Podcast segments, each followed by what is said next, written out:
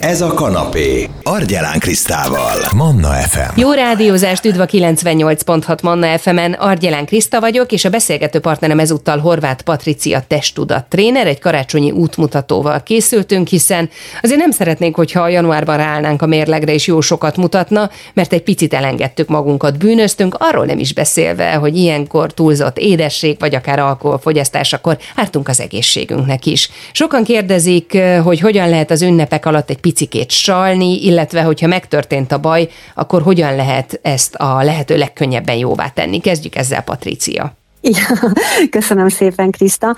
Hát az a helyzet, hogy először is úgy indul a történet, hogy nagyon sokan már fogytak előre karácsonyra. Odafigyeltek, hogy, hogy ilyenkor büntetlenül lehessenek bármit, és bűnözhessenek. Aki ezt nem tette meg, tehát valamilyen szinten mégiscsak oda kell figyelni az ünnepek alatt, hogy ne plusz 2-3-4 kilóval kezdjük a 2024-et, a, akkor sem kell a finom falatokról lemondani, mert pici csalással, de lehet jókat tenni. Az ünnepi menünél érdemes arra figyelni, hogy elsősorban ugye húsok legyenek az asztalon, és a köretek között igenis legyenek jó minőségű zöld köretek. Mit értesz jó minőségű zöld köret alatt? Ez azt értem, hogy ne csak krumpliból meg rizsből álljon a köret, hanem lehet például kelbimbótól kezdve spárgán, brokkoli, karfiol, padlizsán, cukkini, elképesztő jó ötletek vannak. Akinek mondjuk van ilyen meleg levegő sütő az airfryáz, vagy pedig a sütőjében is meg tudja csinálni, például cukkini chipseket lehet csinálni. Mi azt jelenti, hogy a megtisztított cukkinit az uborka szletelővel így leszleteli az ember, befűszerezi, és 25 perc alatt egy ropogós chipset tudja csinálni az airfryerben. Vagy mondjuk ugyanezt meg tudja csinálni karalábéval, úgy fölvágja, mint egy sült krumplit, picikét besózza, de csak minit, mert ugye a karalábénak kicsit édesebb az íze, tehát hogy kihozza azt a finomízt, és olyan lesz, mint egy a ropogós, édes sült burgonya. És gyakorlatilag uh, szinte null kalóriával viszi be az ember a köreteket a húsok mellett. Édesség nélkül azt gondolom nehéz megugrani a karácsonyt, hogyan csináljuk? A sütemények az egy szerves részét képezi az ünnepi menünek, én azt gondolom. Ami nagyon fontos, ugye a minden egyes lisztnek, minden egyes, minden egyes élelmiszernek van egy glikémiás indexe. A glikémiás index jelenti azt, hogy az adott ételben lévő szénhidrát milyen gyorsan szívódik fel a szervezetben, tehát hogy mennyire emeli meg a vércukor szintet, illetve utána mennyire gyorsan esik le ez a vércukorszint. Az alacsony glikémiás indexű lisztek, azok kevésbé hizlalnak, vagy nem úgy hizlalnak, mint a agyon finomított finomlisztek. Tehát adott esetben, hogyha valaki gesztjelisztből vagy mandulalisztből süt süteményt, akkor, akkor vajmi keveset árt az egészségének, és hogyha ehhez mondjuk szítet és eritritet használ, mint édesítőszer, akkor onnantól fogva nagyon jó kis süteményeket lehet csinálni minimál kalóriával. Ott tartottunk, hogy mandulaliszt, alacsony glikémiás indexű lisztek, illetve szilit vagy eritrit, ezzel készítsük el a süteményeinket.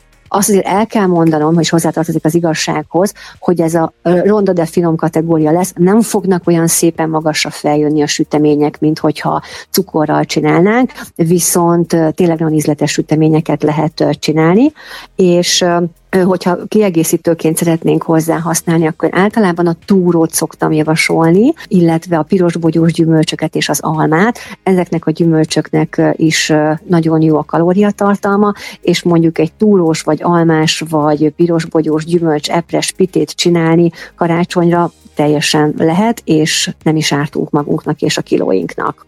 Mi a helyzet a mákkal, dióval? Azt gondolom, hogy sokaknak elképzelhetetlen az ünnep, ezek nélkül a töltelékek nélkül vártam, vártam, a mák és a dió is nyugodtan mehet, viszont egy fontos pont van, hogy ne, ne cukorral cukrozzuk fel, hanem inkább akkor mézzel. A méznek is picit magasabb a kalóriatartalma, mint a null kalóriás édesítőszereknek, viszont sokkal jobban hasznosul a szervezetben, mint mondjuk a fehér cukor. Úgyhogy akkor inkább mákkal, mézzel csináljuk meg.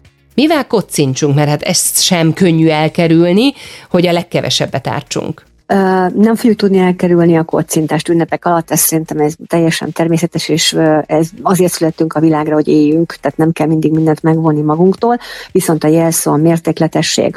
Ha viszont kocintani szeretnénk, akkor én általában a száraz bort szoktam javasolni, fehér bort, vagy akár a vörös bort, pláne aki mondjuk vérszegény, viszont mivel ott az előző adásban említettem is, hogy ugye óránként egyet, egy pohárnyit tud a máj jól feldolgozni, én azt szoktam mondani, hogy szépen lassan iszogassuk meg, tehát ne az, hogy ne az legyen, hogy folyamatosan pohárral járkálunk a kezünkben, és mondjuk egy este 5-6-7-8 pohárra, vagy ne is egy üveggel elfogy.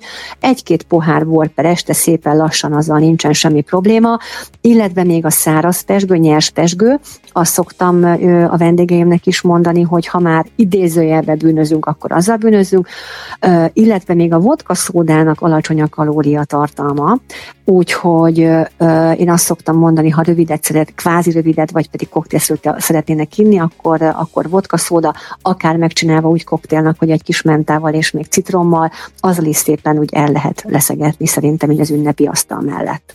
Mit tehetünk tűzoltásnak az ünnepek után? Ami nagyon fontos, hogy utána neki kell állni szerintem mindenképpen először egy méregtelítésnek is, és egy párnapos diétának vagy bőjtnek. Én nem azt mondom, hogy onnantól egyáltalán ne fogyasszon az ember a későbbiekben kvázi szénhidrátot vagy normális élelmiszert, de a két ünnep között, pláne hogyha utána még jön a szilveszter, és szilveszterkor is ugye az emberek szintén előkerül a pesgős pohár nem egyszer, nem kétszer, illetve, illetve ugye a kenyér, meg a lencse, meg a vízsli, meg ilyesmi. A két ünnep között én mindenképpen azt szoktam mondani, hogy nagyon-nagyon odafigyelni, rengeteg folyadékot inni, tiszta vizet inni, amennyire lehet fehérje dúsan és zöldség dúsan táplálkozni, a szénhidrátot elengedni. Aki képes arra, hogy egy napos lébőjtöt megcsinál, az egy nagyon-nagyon kikönnyíti a szervezetet, tehát egyszerűen felszabadul, fellélegzik a szervezet. Ez olyan, mint amikor este egy nehéz nap után az ember megfürdik, és úgy érzi, hogy na, akkor most tisztán megkönnyebbülve szállt ki az uhanyalól. Ugyanezt érzi a szervezet egy ünnep után egy ilyen, egy ilyen tisztító egynapos lébőt kúra után. Én, én nagyon-nagyon szoktam szeretni évente kétszer-háromszor egy-egy ilyen lébőtös napot megcsinálni. Az egészségnek, emésztőszerrendszernek és mindennek nagyon-nagyon jót tesz. Mire figyeljünk még az ünnepek alatt? Mi az, amit tanácsolnál a Manna hallgatóknak, Patricia? Ami még fontos az ünnepek alatt a mozgás.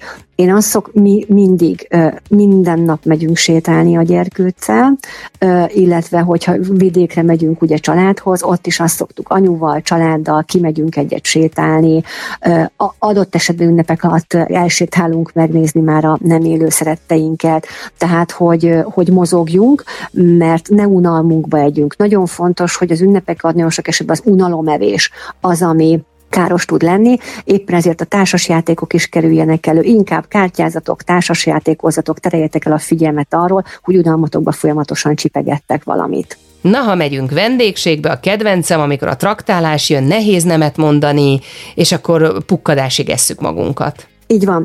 Uh, meg hát, hogy nehéz is azt mondani, kettő úgyis hallgatjuk a családtól, már megint nem eszel édeslányom rendesen, és nem szeretjük, ha velünk foglalkoznak folyamatosan. A vendégemnek azt szoktam mondani, meg én is azt csinálom, hogy ünnepek alatt, amikor kínálnak, akkor a tányéromra veszek effektíve szinte mindenből. Uh, húsokat, köreteket, nagyon sok zöldséget, savanyúságot, tehát úgy rakom össze a tányérat, hogy lássák, hogy tele van, ne bántsam meg azt, aki főzött és készült, hogy nem veszek mindenből, viszont jobbára a zöldséget és a húst teszem meg belőle, a köretből keveset eszek, vagy pedig félig meddig ott marad, és a süteménybe pedig általában csak belekóstolok, tehát a tányéron azt már nem fogja a végén mindenki nézegetni, hogy maradt-e rajta valami, vagy mi maradt rajta, viszont ha kvázi tele tányérral ott ülünk ülünk az asztalnál, akkor fel se tűnik senkinek, hogy adott esetben mi ebből inkább csak a fehérjét, meg inkább a zöldséget tesszük meg, és nem mindenki, ami odafigyelésünkkel, diétánkkal és tudatosságunkkal van elfoglalva. Ez egy nagyon-nagyon jó bevett szokás szerintem. Azt mondtad, hogy köretreceptet is hozol nekünk, mert hogy el lehet képzelni másként is a köretet, mint krumpli és rizs. Hát az egyik Jolly Joker szerintem a karfior is. A karfior is konkrétan 10 perc alatt elkészíthető, és tényleg úgy néz ki, mint egy rizs, viszont konkrétan 0 kalóriás. A karfiolt, hogyha egy rózsáira szeded, megmosás, illetve megpucolás után, utána gyakorlatilag olajon, olívaolajon pár, perc, pár percig megfuttatod a hagymát, utána ráteszed ezt a lapróra szedett karfiolt szétesik, tehát ilyen apró darabok lesznek belőle, beborsozod, besózod, 5-6 percet az egész összerottyan, és a tetejére egy kis fölaprózott petrezselymet teszel, nagyon finom, mennyeik, az agyadnak, meg a szemednek olyan, mintha istennél, viszont töredéke kalória, mint a rizs. Milyen más ötleted van még? Illetve szerintem elkerülhetetlen a párolt káposzta. Nagyon sokan ugye párolt káposztával eszik karácsonykor a, a, a csirkecombot, a livacombot, a csirkét, vagy akár a, akár a halakat. Ami fontos a, a párolt káposztánál, hogy a kömény mag az mindenképpen kerüljön bele, szerintem az nagyon jó ízt ad neki, illetve egy óra lassú főzéssel, sóval, borsol, borssal, egy pici olajjal nagyon-nagyon jó cukormentes párolt káposztát lehet csinálni, és abszolút fogyás, illetve diéta kompatibilis. Fehér vagy lila káposzta legyen? Hm, minimálisan bármelyik, bármelyiket nyugodtan használhatjátok. Mi a lilát jobban szeretjük, de nagyon sokan meg a fehérre esküsznek, bármelyiket lehet az ünnepek alatt szerintem, tehát azzal nincsen semmi probléma. Nagyon szépen köszönöm, Horváth Patricia volt az, aki a mértékletesség jegyében hozott nekünk tippet, hogy hogyan tudjuk a karácsonyt keresztül vinni, az útmutató segített abban, hogy egy picit hogyan csalhatunk, illetve hogyan tehetjük jóvá majd, ha megtörtént a baj. Ha valaki szívesen visszahallgatná ez a beszélgetésünk is a Manna FM podcastján, fellelhető iTunes-on, Spotify-on lehet keresni. Manna. Ez a kanapé. Argyelán Krisztával. FM.